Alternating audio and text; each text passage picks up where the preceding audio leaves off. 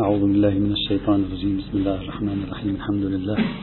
وصلى الله على سيدنا ونبينا وحبيبنا محمد وعلى آله الطيبين الطاهرين. بعد أن شرعنا في الحديث عن مفهوم العلة تكلمنا عن هذا المفهوم بشكل تمهيدي. ثم ذكرنا تمييز مفهوم العلة في الشرعيات عن مفهوم العلة في الأمور الحقيقية والاتجاهات الثلاثة الموجودة. بين علماء المسلمين فيما يتصل بمفهوم العلة في الشرعيات. انتقلنا إلى محور قلنا بأن العلة العلة تعمم وتخصص كما هو الدارج في أدبياتهم وتعابيرهم. على تفصيل سوف يأتي. كما هو التفاصيل التي مرت معنا في الحكمة أيضا.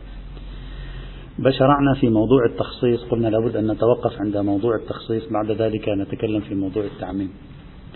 في موضوع التخصيص ما معنى أن العلة التي هي المناط والمدار قادرة على التخصيص؟ وما هو الشيء الذي تخصصه أصلا؟ ما معنى أنها تخصص؟ تخصصه ماذا؟ قلنا توجد فرضيتان هنا أو مساحتان للعمل هنا. أن العلة تخصص شخص الحكم والعلة تخصص نوع الحكم. وهذا البحث هو بعينه أصلا ليس سوى بحث المفاهيم الذي درسناه جميعا في مقدمات بحث الجملة الشرطية. أنه إذا كانت الجملة الشرطية العقد السلبي منها ليس سوى نفي الحكم الثابت في الجملة في حال عدم تحقق الشرط فهذا نفي لشخص الحكم وهذا هو نفسه قاعدة احترازية القيود. وإذا كانت الجملة الشرطية في مفهومها أي في العقد السلبي منها تنفي جنس الحكم نوع الحكم لا شخص الحكم المخبر عنه في المنطوق إذا تنفي نوع الحكم وجنس الحكم فهذا معناه أن لها مفهوما وهذا معنى المفهوم. وبالتالي تعطيني قاعدة كلية وهو أن الحكم منتف في حالة كذا وكذا يعني في غير حالة كذا وكذا. فإذا جاء دليل خارجي يثبت الحكم في مقابل هذا المفهوم يقع التعارض حينئذ. نفس هذه القضية هي في التعليل نفسها بعينها يمكن يأتي في التعليل وبذلك نقترح سجلوا هذا الاقتراح نقترح أن يضاف إلى بحث المفاهيم مفهوم سادس مفهوم الجملة التعليلية. هذا لم يطرح. يعني لم يطرحوا طرحوا مفهوم الجملة الوصفية الشرطية العددية الحصرية اللقبية صحيح؟ لكن لم يبحث أحد شيء تحت عنوان مفهوم الجملة التعليلية. الشخص الوحيد الذي تبدو عليه إثارة هذه القضية بنفس ذهنية بحث المفاهيم هو السيد موسى الشبير الزنجاني حفظه الله تعالى الذي سوف نتعرض لطرحه. رغم أنه هو لم يبحث في المفاهيم ولكن بما أن طبيعة البحث في جوهرها هي بحث مفاهيم فنقترح أن تجعل قضية مفهوم الجملة التعليلية يطرح أين؟ يطرح في مباحث المفاهيم رغم أنه غير مألوف لكن الآن سنرى ما معنى تكون شيء اسمه مفهوم الجملة التعليلية قلنا بالأمس حتى أعيد لأنه في آخر الدرس بالأمس استعجلنا في توضيح الفكرة أختصرها الآن أيضا لكي نبدأ بالتحليل قلنا بالأمس الجملة التعليلية المثال المشهور لا تأكل الرمان لأنه حامض. هذه الجملة تحتمل احتمالين أوليين. إذا كان الرمان غير حامض ما هو الحكم المنفي؟ ولا تأكل الرمان لأنه حامض. يعني إذا كان الرمان غير حامض يعني ليس منهيا عن أكله. هكذا معناه. عندما لا يكون الرمان حامضا ما هو الذي انتفى؟ أي نهي انتفى؟ في احتمالين.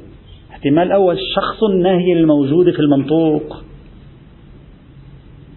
وهذا معناه أن الجملة التعليلية ليس لها مفهوم. إذا شخص النهي الموجود في المنطوق انتفى يعني الرمان إذا كان حلوا فالحكم بالنهي عن أكل الرمان بملاك حامضيته أو حموضته يصبح منتفيا. هذا هو شخص الحكم. سأل مرة ثانية افتراض آخر أن نقول أن المنتفي هو نوع الحكم. يعني لا تأكل الرمان لأنه حامض معنى ذلك أن الرمان لا يحرم أكله أبدا في الشريعة. هذا المفهوم الآن. هذا العقد السلبي. لا يوجد تحريم لأكل الرمان إن لم يكن حامضا ولذلك الحكم ربط بالحموضة الذي ربط بالحموضة ليس شخص الحكم. الذي ربط بالحموضة هو نوع الحكم أي نوع النهي عن أكل الرمان. وعليه إذا جاءتني رواية أخرى تقول لا تأكل الرمان لأنه أحمر أو لا تأكل الرمان الأحمر. فتكون معارضة لإطلاق المفهوم الموجود في الجملة الأولى. هذا هو محل الجدل. إذا أردنا أن نبحث في في قدرة العلة في قدرة العلة يجب أن نبحث تارة على مستوى شخص الحكم. ماذا يمكن للعلة أن تفعل في شخص الحكم؟ هل يمكن أن تخصصه؟ وماذا يمكن أن تفعل على مستوى نوع الحكم؟ هل فعلا يمكن أن تخصص نوع الحكم بالتحريم الرمان الحامض أو لا؟ هذا هو صورة البحث. الذي يمكن أن كما قلت في البداية أقترح أن يضاف حينئذ بوجه من الوجوه إلى مباحث المفاهيم ويكون هو المفهوم المخالف السابع. للموافق مفهوم المخالفة يعني. طيب. سنبحث أولا على مستوى شخص الحكم ثم نبحث على مستوى نوع الحكم. سأطرح ما قدمه السيد الزنجاني ومن خلال ما طرحه سأعلق أيضا بتعليقات. أولا في شخص الحكم ثم بعد ذلك ننتقل إلى نوع الحكم. السيد الزنجاني الآن في شخص الحكم نتكلم. قدرة العلة على تخصيص شخص الحكم الوارد في الخطاب. السيد الزنجاني ينطلق من التناسب بين التعليل والمعلل. قال لي لا تأكل الرمان لأنه حامض. ذهبنا إلى الخارج علمنا أنه ليس كل رمان حامض. هذا هو مفروض مسألتنا. إذا كان كل رمان حامض خلصنا. انتهى الموضوع. يعني مفروض مسألتنا أن ثمة رمان ليس بحامض. طيب. إذا من جهة يقول لا تأكل الرمان لأنه حامض. من الخارج أدركنا أن الرمان منه ما هو حامض ومنه ما هو حلو. ليس بحامض. هذا مفروض المسألة. كيف؟ بناء على وجود النوعين من الرمان كيف نفهم تعليل تحريم تناول الرمان بحموضته؟ السيد يطرح أربعة احتمالات. يطرح أربعة احتمالات وينتصر للأخير والأخير يثبت أن التعليل يخصص شخص الحكم. ما معنى يخصص شخص الحكم؟ يعني تصبح الجملة بهذا المعنى يحرم أكل الرمان الحامض. هذا معنى يخصص شخص الحكم. تصبح هذه الجملة لا تأكل الرمان لأنه حامض تصبح في قوة قولنا لا تأكل الرمان الحامض هكذا معنى أنه يخصص شخص الحكم. الاحتمال الأول في تحليله التعليل في علاقته بشخص الحكم. يقول أن يكون الحكم بعدم أكل الرمان ثابتا في كل أنواع الرمان. نفترض أن الحكم بعدم أكل الرمان يعني بالنهي عن أكل الرمان هذا الشامل لجميع أفراد الرمان. لكن المولى ذكر فقط علة الحكم في بعض أفراد الرمان وهي الحموضة فقط مثلا. بتعبير آخر الحكم ثابت على جميع أفراد الرمان والمولى بين علة التحريم في بعض أفراد الرمان. هذا احتمال. بناء على هذا الاحتمال لا يخصص حتى شخص الحكم لا يخصص. ما في ما في تخصيص لشخص الحكم. بناء على هذا الاحتمال شخص الحكم لا يخصص. لأنه يقول الحكم شو حرمة أكل الرمان بجميع أفراده وأنواعه. هذا هو الحكم. والعلة لم تفعل شيئا. العلة لأنه حامض لم تقم سوى بشرح لماذا حرمت بعض أفراد الرمان. وإلا هو أصلا الرمان كل أفراده حرام. أشرحها بطريقة مبسطة. كل الرمان لا تأكل منه شيئا. هذه الجملة هذا هو الحكم. بعض أنواع الرمان حرام مثل البقية وحرمته بولاة الحموضة. هذا هو كل مثلا. فهذا التعليل لا لا يخصص لا نوع الحكم ولا شخص الحكم. هذا ما خصص الشخص. طبيعي ما يخصص النوع. هذا الاحتمال الأول في تحليل الجملة التعليلية في تحليل القضية التعليلية ذهنيا. السيد الزنجاني حفظه الله لا يقبل بهذا الكلام يرفضه. لماذا يقول هذا الكلام رغم معقوليته الثبوتية ضعيف إثباتا؟ يعني على مستوى الإثبات على مستوى ظاهر اللفظ هذا الاحتمال ضعيف. ظاهر الجملة التعليلية بل صريح الجملة التعليلية عنده صريح الجملة التعليلية عنده أن العلة تمثل السبب لجميع أفراد المحرم. يعني لما واحد يقول لا تأكل الرمان لأنه حامض الصريح كلمة لأنه حامض أن الحموضة هي علة التحريم لتمام الأفراد. الواردة في هذا الخطاب. هكذا صريح. أما واحد يقول لك لا تأكل الرمان لأنه حامض ويصبح معنى الجملة كل الرمان حلال كل الرمان حرام وبعض الرمان الحرام أيضا ملاك حرمته الحموضة. هذا غريب ليس بعرفي أصلا. يعني السيد يقول أصلا هذا ليس بعرفي فمشكلة السيد هنا ليست ثبوتية. يعني القضية التعليلية ثبوتا معقول أن, أن تصاغ هكذا. لكن إثباتا بحسب دلالة اللفظ في عنده مشكلة إثباتية هنا وليس مشكلة ثبوتية على الإطلاق. هذا الاحتمال الأول عنده. الاحتمال الثاني وهو التصرف في العلة. التصرف في العلة. يقول العلة هي الحموضة. العلة في تحريم أكل الرمان هي الحموضة. والحموضة موجودة في جميع أفراد الرمان. الحموضة موجودة في جميع أفراد الرمان. غاية الأمر أن الإنسان يلاحظها في بعض الأفراد ولا يلاحظها في بعض الأفراد الأخرى. الإنسان يلاحظها في بعض الأفراد ولا يلاحظها في بعض الأفراد الأخرى وإلا هي موجودة في تمام الأفراد.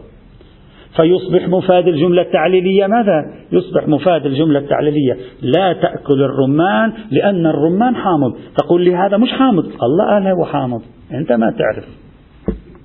أنت ما تنتبه لحموضته. هو حامض. أنت ما تنتبه لحموضته.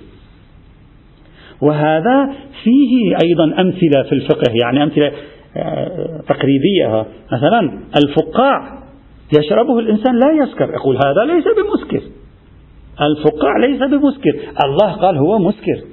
ولذلك جاءت الرواية وقالت الفقاع خمر استصغره الناس. ما معنى استصغره الناس؟ أي لم يشعروا بخ... قالوا هذا ليس بخمر شيء بسيط. يعني هكذا يشعرك بالسعادة فقط ليس بخمر هذا. ولكنه في واقعيته فيه خاصية الإسكار الموجبة للتحريم. فالعلة التي هي الإسكار موجودة فيه رغم أن الناس لا تلتفت إلى وجودها. هذا تمثيل من عندي لتقريب فكرة السيد. السيد هكذا يريد أن يقول في الاحتمال الثاني أن القضية هنا هكذا. كل الرمان حامض والرواية ظاهرها أنه لأنه حامض يعني كله حامض. تقول لي أنت بعض الرمان حامض بعض الرمان ليس بحامض؟ هذا من خيالك. النص يخبرني أنه برمته حامض. ولو فيه نسبة حموضة خفيفة قد لا تلتفت أنت إليها لكن العلة موجودة بناء على هذا الاحتمال شو النتيجة أصلا لا يوجد تخصيص لا لشخص الحكم ولا لنوع الحكم لأن المفروض كل الرمان حامض فكل الرمان حرام. الرمان حرام لأنه لأن كله حامض هكذا معناها. فلا يوجد تخصيص هنا أصلا. إذا على الاحتمال الأول الذي نفاه السيد إثباتا لا ثبوتان على الاحتمال الأول لا تخصيص لشخص الحكم بالتعليل. على الاحتمال الثاني لا تخصيص لشخص الحكم بالتعليل فضلا عن نوع الحكم. شوف الآن نحن عم يجي في ذهننا أن القضية التعليلية رغم وجودها بدأنا نتصور أنها لا فائدة من وراء التعليل فيها. يعني التعليل لم يعد بإمكاني أن ألمسه وأستخدمه في الاجتهاد. بناء على الاحتمال الأول والثاني التعليل أصبح مجهضا من الإجهاض مجهضا. لا تستطيع أن تستفيد منه في شيء. إذا في شخص الحكم أنت غير قادر على أن تستفيد منه. فما بالك بنوع الحكم؟ السيد أيضا يقول يقول هذا الاحتمال الثاني أيضا مرفوض عنده. لماذا؟ يقول مبرره لرفض هذا الاحتمال أن وضوح العلة عند العرف ليس شرطا في عملية التعليل؟ فقد نقوم بتعليل حكم ما دون أن يكون هذا التعليل واضحا عند العرف. هذا نقبل به ما عنده مشكلة السيد فيه. لكن إذا كان التعليل سنخ تعليل مرتكز وبطبيعته معلوم للعرف. هذا لا نقبل أن نقول هو تعليل ما فوق عرفه. ماذا يريد السيد من هذه النكتة؟ ماذا يريد أن يشير؟ يعني مثلا يريد أن يقول مر المولى يعلل بتعليل الناس لا تعرف هذا التعليل موجود في تمام الأفراد أو لا؟ مثلا لنفرض قلنا لا تشرب من هذا السائل فإن به مادة ميكروبية اسمها X I Y. هذا أنت قالوا المولى قالوا من 1400 سنة. لا أعرف ما معنى ال X ولا معنى ال I ولا معنى ال Y وما أعرف هذا في هذا الفرد من الأفراد السائل هذا. فيه ال X Y I ولا لا, لا نعرف. يقول في مثل هذه الحال نعم لا يستطيع العرف أن يخصص ويضيق. لأنه المولى لما قال لا تشرب من هذا السائل فإن فيه المادة الميكروبية الفلانية العرف ليس عنده خبرة بهذه المادة. نقول هذه المادة موجودة في الجميع ونتقبل عدم تخصيص شخص الحكم. لكن لما تكون طبيعة الشيء طبيعة العرف يملك خبرة فيها يعرفها جلية أمامه. لا تحتاج إلى أن يجي يعلم شخص للعرف. تجي أن تتعلم العرف وجود هذا الشيء في المصادق أو لا. عندما تلقى الجملة التعليلية العرف يأخذ التعليل وهو يفهم القضية على ضوء خبرته في التعليل في العلة مثل الحموضة. فإذا قال لا تأكل الرمان لأنه حامض العرف, العرف يعرف أن بعض أفراد الرمان حامض وبعض أفراد الرمان ليس بحامض. هذه قضية بديهية عنده. إدخال الاحتمالات غير العقلائية في البين لا معنى لها هنا لا يتلقاها العرف يحذفها العرف. العقلاء يحذفون هذا الاحتمال. احتمال وجود حموضة بنسبة قليلة والمولى قال لأنه حامض لأجل ذلك هذا العرف يقول لك حتما لا يوجد حموضة. ما هذا الشيء يرجع إلى أذواقنا. الحموضة والحلو. هذا ليس شيئا سريا غيبيا أو شيء يحتاج إلى مختبرات علمية. هذا شيء يدرك بالأذواق. فالعرف يقول لك نحن أنا وأنت وأنت وأنت وأنت وهو وإلى آخره أدركنا بأذواقنا عدم وجود حموضة. ما يحتاج فلسفة. فالسيد يفصل بين العلة التي لا خبرة للعرف بها. هذا تعبيري أنا هذه صياغة من عندها هو لا يستخدم هذه الصياغة. أنا أحاول أن أقننها. العرف لا يملك خبرة فيها فيقبل بأن العلة ممكن أن تكون عامة. غاية الأمر العرف غير ملتفت لوجودها في تمام الأفراد. ومرة تكون العلة سنخ علة مدركة للعرف له خبرة مسبقة بها. لا هنا يقول العرف يتلقاها وينزل خبرته على التعليل فيضيق النص وفقا لخبرته في العلة نعم في مسألة الحكمة. ونفس ما قاله أيضا الهمداني إذا تذكرون أيضا طبعا ذاك في بحث الحكمة. ما قاله الهمداني قال لظهور الحكمة عند العرف. شيء قريب من هذا. فالسيد في, ظاهر عبارته يؤول ظاهر عبارته إلى تحليل القضية بهذا الشكل. طبعا هذا الجواب يدعونا لشيء من التأمل وذلك أن العلل التي تلقى إلى العرف أو إلى المتشرع يجب التمييز بينها. يعني هذا التحليل الذي حللته الآن أنا لكلام السيد يجعلنا نخرج بقاعدة في باب العلل. العلل على نوعين. علل لا خبرة للعرف بها وعلل للإنسان خبرة فيها. العلل التي لا يملك الإنسان خبرة فيها لا يستطيع أن يوسع ويضيق فيها. لأنه لا يستطيع أن يدرك بسبب فقدانه الخبرة لا يستطيع أن يدرك وجود العلة هنا أو عدم وجودها. أما العلل التي يملك الإنسان الخبرة بها يستطيع أن يدرك وجودها وعدم وجودها هذه يمكن أن تنفعنا. وبالتالي هذا يدفعنا إلى كلية جديدة التمييز في باب العلل ثبوتا بين العلل التي يملك الإنسان فيها خبرة وما لا يملك الإنسان فيها تلك الخبرة. هذا بحسب تحليل مفاد كلامي هنا. وإذا قبلتم بهذا يجب علينا نفتح بابا هنا. من الممكن أن تكون بعض العلل.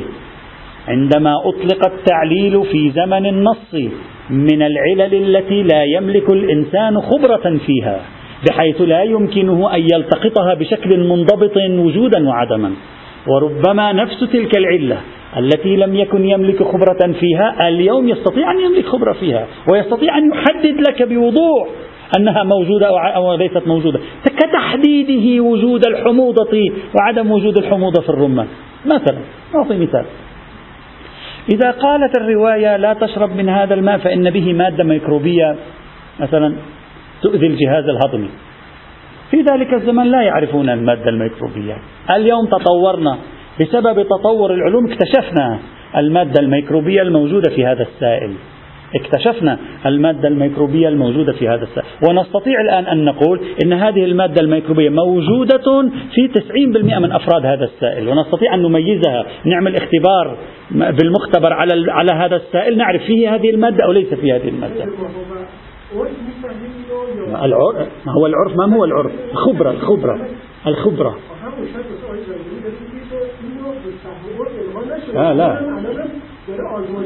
نحن خلصنا من كلام السيد الزنجاني نحن الآن أخذنا قاع استخرجنا قاعدة كلية من خلال مرور السيد الزنجاني على موضوع نحن خرجنا بقاعدة كلية والآن نريد أن نحلها. السيد الزنجاني يقبل بها؟ لا يقبل لا أدري.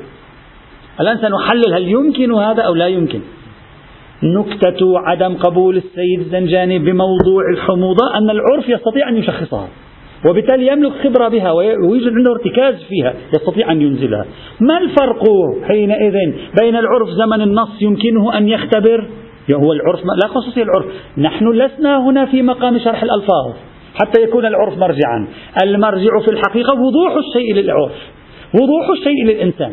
إذا كان الإنسان اتضح له هذا الشيء ولو بواسطة الفحوصات المخبرية خلاص وضح الشيء. ما هي النكتة التي السيد كان يركز الكلام عليها؟ هي وضوح العلة في وجودها وعدمها وعدم الوضوح للإنسان. الآن هو أخذ العرف والارتكاز لأنه قديما ما عندهم غير العرف والارتكاز. اللفظ واضح الكلام ليس في ظهور اللفظ لا كلمة الحموضة لغة وعرفا مفهومة. كلمة المادة الميكروبية لنفترض كلمة مفهومة. مصداقها ليس مفهوما. نحن في الحقيقة مشكلتنا مع كيفية الضبط الوصول إليها في, في, في الواقع. لا في شرح الألفاظ. في الموردين المفترض أن الألفاظ واضحة. هناك لأن العرف له خبرة يستطيع تشخيص المصداق. بمجرد أن يرى الرمان يعرف أن هذا الرمان مثلا حامض هذا الرمان حلو مثلا. ربما من بعض العوارض أيضا يستطيع أن يعرف. الآن في ذلك الزمان ما كانوا يعرفون الآن نحن نعرف. يفترض على ذلك أن نقول لا يشترط ليست القضية قضية العرف عندما ألقي عليه النص كان قادرا على التمييز في وجود العلة خارجا أو لا. ليس ذاك العرف هو مرجعنا لأن ذاك العرف ليس مرجعية لغوية. مرجعية لغوية واضحة. مرجعية المصداق وبالتالي اليوم إذا أنا اكتشفت المادة الميكروبية التي وردت في تعليل الخطاب فالمفترض أن أقول خلاص اكتشفناها. هو قال لأجل وجود مادة ميكروبية تؤدي إلى كذا وكذا وكذا وقد رأينا هذه هي المادة التي تؤدي إلى كذا ستقول لي ما يحتمل قصد مادة ثانية؟ ويحتمل قصد مادة ثانية. مثل ما يحتمل قصد حموضة ثانية. ما هو نفس الشيء. هو إذا تجد الاحتمالات ما نفس الاحتمال. على مبنى السيد الزنجاني. ما محتمل قصده أيضا مستوى من الحموضة؟ أنتم بخبراتكم لم تكتشفوه. وهذا الإشكال هنا الذي رفضه السيد الزنجاني. هو نفس الشيء هنا. نقول احتمال أن يكون المراد مادة ثانية غير هذه المادة المنطبقة عليها الأوصاف؟ نعم احتمال قائم. كقيام احتمال وجود حموضة غير مدركة للعرف بسبب أن خبرته ظاهرية. ممكن في كثير من الأحيان الحموضة لا تظهر وتكون موجودة. فإذا نفيت ذلك المفترض أن تنفي هذا إلا إذا واحد أراد أن يشاكس ويقف مع الاحتمالات كثيرا. إذا هذه الفكرة التي مر عليها السيد في رفضه الاحتمال الثاني تدفعنا إلى تنويع العلة إلى نوعين. العلة التي يملك الإنسان بها خبرة يستطيع ضبطها واكتشاف وجودها وعدمها. والعلة التي لا يملك الإنسان فيها خبرة بحيث يستطيع ضبطها واكتشاف وجودا وعدما. ما يملك فيه الضبط لا يأتي هذا الاحتمال الثاني هنا أنه نتمسك بإطلاق الخطاب والعلة قد تكون موجودة ونحن لا خبرة لنا بها ما المفروض أننا نملك خبرتها. أما ما لا يملك فيه الضبط نعم صحيح. هذا بل.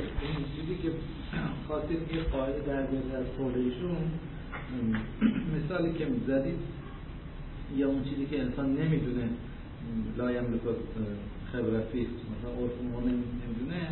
این بازگشتش به شبه مفهومی هست نه شبه مصداقیه یعنی وقتی نمیدونه عرف اون زمان که مخاطب رسول الله صلی الله علیه و آله أصلا نمیدونن یعنی شبه مفهومی دارن. نمیفهمن که این مثلا میکروب چیه یا اچ چیه خب؟ نمیدونن شبه مفهومی دارن. نه إحنا الان اعطينا نحن هذا المثال. هذا مجرد مثال. خذ مثالا آخر. ممكن تقول لا تأخذ لا تأكل من هذا فإنه يوجب الإسهال. لا تأكل من هذا الطعام فإنه يعني يورطك في مرض الإسهال. وبعدين اكتشفنا نحن أن ليس كل أفراد هذا الطعام تورط في الإسهال. بعض أفراده تورط نسبة 80% منها. واكتشفنا الخصوصيات العارضة. نفس الحموضة شو الفرق؟ تعميم که نمیتونن بدن تعمیم نحن نتكلم عن تعمیم نتكلم عن التخصيص. چیز دیگه یا لا تخصیص نعم. یا تو بعضی افراد که این خصوصیت نداره شبه مفهومی دارن دیگه. مفهومية الإسهال مفهوم لا تأكل من التفاح ذي اللون الأخضر فإنه يورث الإسهال.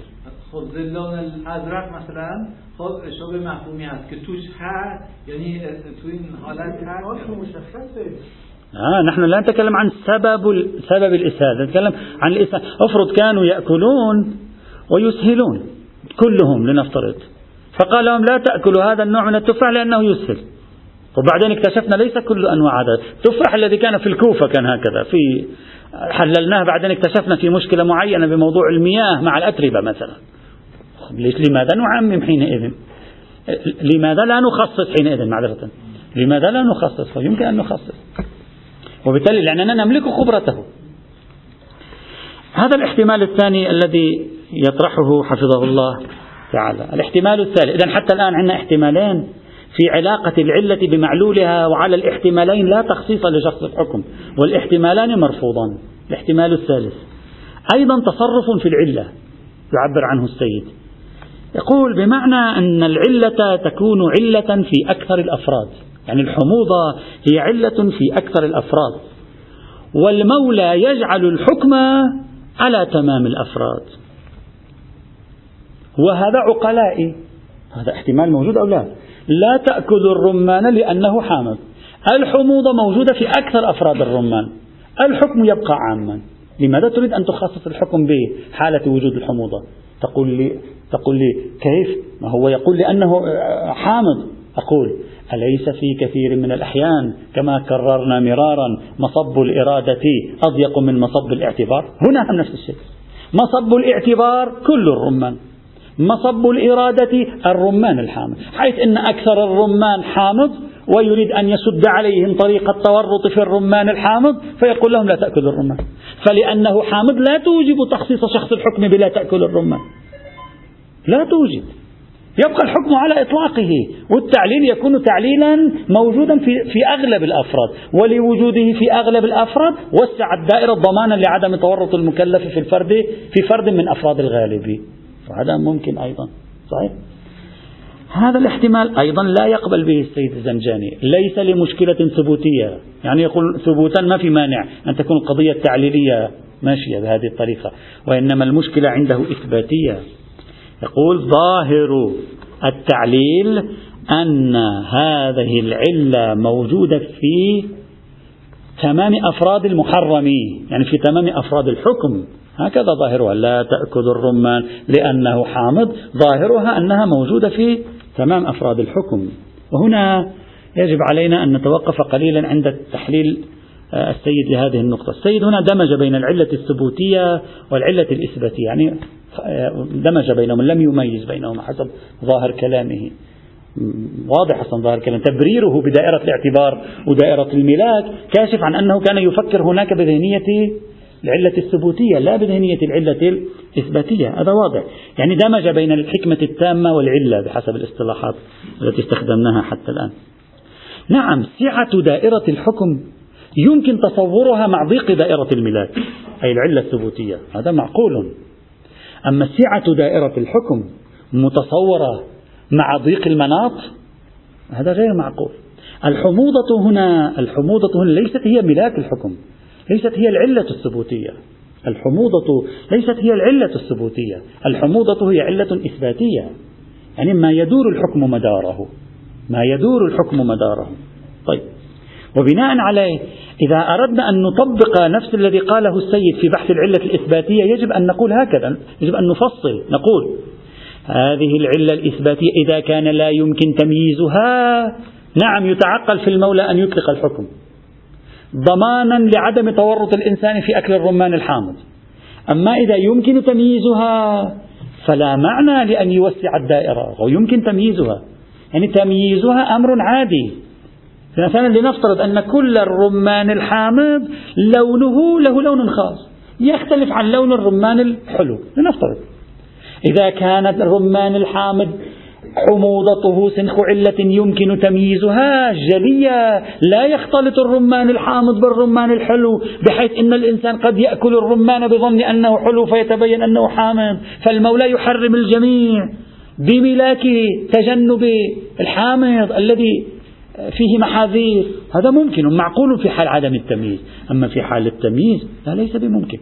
وبالتالي يجب علينا أن نميز بين العلة الظاهرة المنضبطة والعلة غير الظاهرة المنضبطة. هنا نعرف لماذا ميزوا بين مفهوم العلة الظاهرة المنضبطة ومفهوم العلة غير الظاهرة أو غير المنضبطة. إذا كانت العلل الإثباتية ظاهرة منضبطة لا معنى لأن نقول توسع دائرة الملاك كذا ويريد المولى ضمان مصالحه في فيما هو دائرة الملاك وأن لا يتورط العبد في الوقوع في الحرام من حيث لا يشعر. وهذا التفكير الذرائعي إذا كان يمكن الضبط وكان الظهور جليا لا معنى للتفكير الذرائعي ما معنى ليس له معنى. وين يجي التفكير الذرائعي؟ أين يأتي التفكير الاحتياطي؟ توسعة دائرة الحكم قياسا لدائرة الملاك يأتي عندما لا يضمن المولى مصالحه إذا ضيق الحكم وطابقه مع دائرة الملاك هنا يأتي. أما في غير ذلك لا يوجد مبرر عقلاني أصلا لا يوجد لا معنى له في مثل هذه الحال. وبالتالي نستطيع أن نكمل مفاد إشكال السيد الزنجاني بواسطة التفصيل. يعني كلامه ليس على إطلاقه وكلام الاحتمال الثالث ليس على إطلاقه. نقول إن كانت العلة الإثباتية سنخ علة ظاهرة منضبطة لا معنى للحديث عن أنه يريد أن يحرم الكل بملاك عدم التورط في الأغلب. لا معقولية له. لغو يصبح تحريم الأزيد عن الأغلب. لغو. لا معنى له. أما إذا لم تكن العلة ظاهرة منضبطة نعم هذا يصبح المعنى معقولا. فلا إطلاق كلام السيد واضح ولا إطلاق كلام الاحتمال الثالث يكون حينئذ واضحا. بل ينبغي علينا هنا ضروري أن نقحم مفهوم الظهور والانضباط في العلة وهو المفهوم الذي كما رأينا أخذه مشهور علماء أصول, أهل أصول الفقه عند أهل السنة عندما بحثوا في العلة القياسية. تصبح هنا نافعة هذه الفكرة. الاحتمال الرابع. ما سماه السيد التصرف في المعلل وهو الذي ينتج تخصيص شخص الحكم. السيد طرح أربع احتمالات ثلاثة الآن لا تعطي تخصيص شخص الحكم بالعلة. الآن الرابع يعطي تخصيص شخص الحكم بالعلة. كيف؟ قال أن نقول العلة تؤثر على على الحكم المعلول لها الحكم المعلل بها فتصرفه إلى أغلب أفراده التي هي الأفراد الحامض إلى أغلب أفراده التي هي الأفراد الحامض لابد أن تكون. أن الأفراد الحامض من الرمان أغلب أفراد الرمان ليس الأندر هو الأغلب عادة. فنقول لا تأكل الرمان لأنه حامض تصبح في قوة لا تأكل الرمان الحامض. وأغلب الرمان هو الرمان الحامض. يعني لا تأكل المتعارف من الرمان. ما هو المتعارف من الرمان؟ الرمان الحامض. هذا قصد الرواية. وبالتالي نتج عن التعليل تخصيص شخص الحكم. بدائرة الرمان المتصف بصفة الحموضة لا غير المتصف بها. وبهذا يظهر عند السيد أن عرفا الاحتمال الرابع هو الصحيح ثبوتا معقول إثباتا هو المتبنى فيكون ظاهر الجملة التعليلية تقييد شخص الحكم بمورد وجود العلة لا بمورد عدمها. غير التعليقات التي علقناها أثناء الكلام على الاحتمالات الأربعة التي طرحها السيد فقط عندي تحليل وتعليق. أما التحليل يبدو لنا من مقاربة السيد الزنجاني أولا أنه لا تناسب بين العلة ومساحة المعلل. هذا مفروض. يعني بين الرمان والحموضة لا يوجد تناسب. ما معنى لا يوجد تناسب؟ يعني ليست النسبة نسبة التساوي بحيث كل رمان حامض هذا المقصود. هذا لابد من, من فرضه. ثانيا العلة هي مناط الحكم وليست العلة هي الملاك الثبوتي. هذا مفروض الكلام هنا. هذا تحليل كلامي. أما التعليق لا بد أن نأخذ شيئين هنا حتى تتضح القضية. تعليق إجمالي أخير. الشيء الأول قياس نسبة الأفراد التي تحمل العلة على مجموع الأفراد.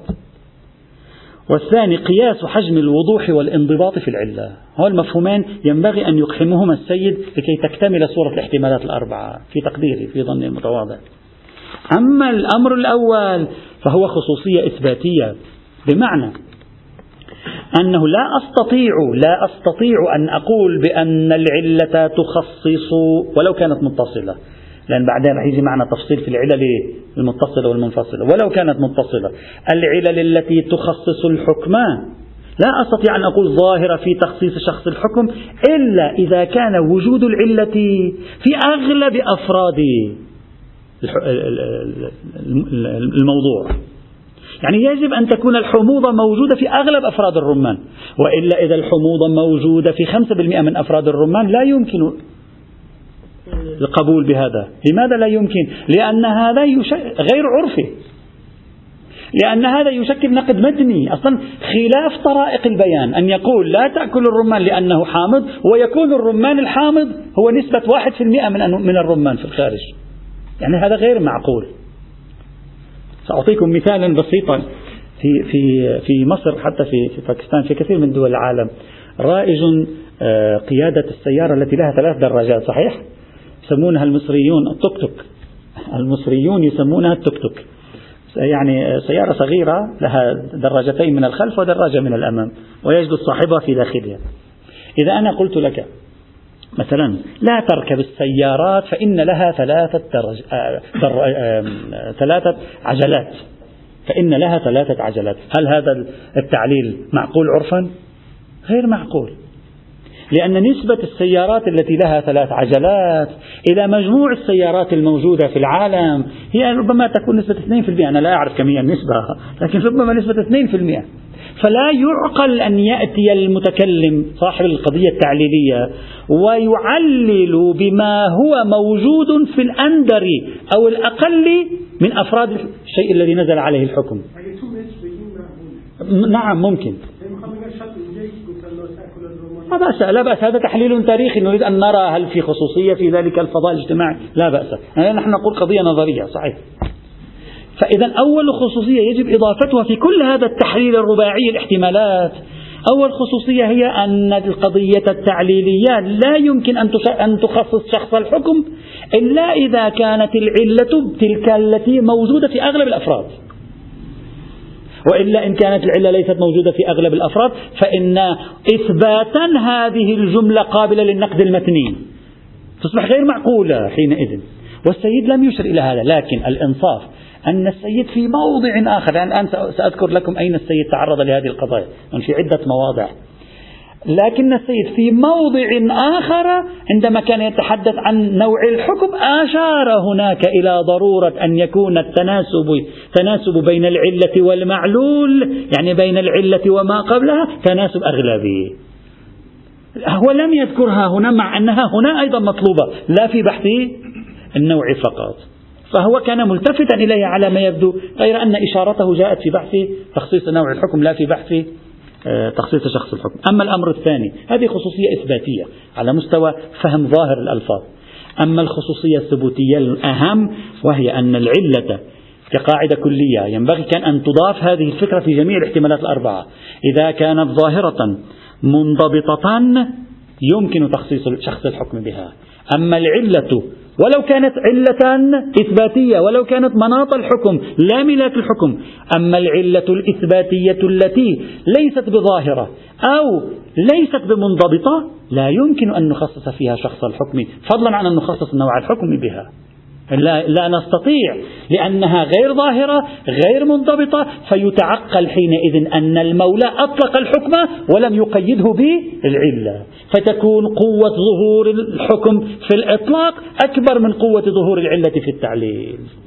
فنحافظ على لم تعد العلة ظاهرة منضبطة لا نعرف أنه اعتمدها أو لا. إذ عادة لا تعتمد العلل غير الظاهرة غير المنضبطة. إذ يلزم منها الفوضى ونقض الغرض عادة عادة في الخارج؟ بلي؟ ما ذكر العلم وأراد موفق الحكم. لماذا ذكرها سيأتي معنا أن ذكر العلل. هل فائدته الوحيدة إنتاج أحكام تعميم أو تخصيص أو ذكر العلل له فوائد أخرى أيضا؟ يمكن أن يذكر العلة ولا يكون ظاهر كلامه لأنها غير ظاهرة لأنها غير منضبطة نفهم من ذلك فقط أنه يريد أن يبين بعض المصادق يريد أن يبين بعض حيثيات الحكم لا أكثر ولا أقل. سيأتي.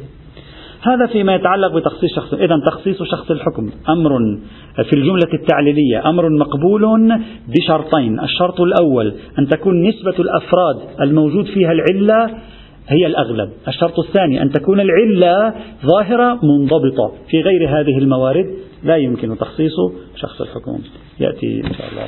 الحمد لله رب العالمين. مثلا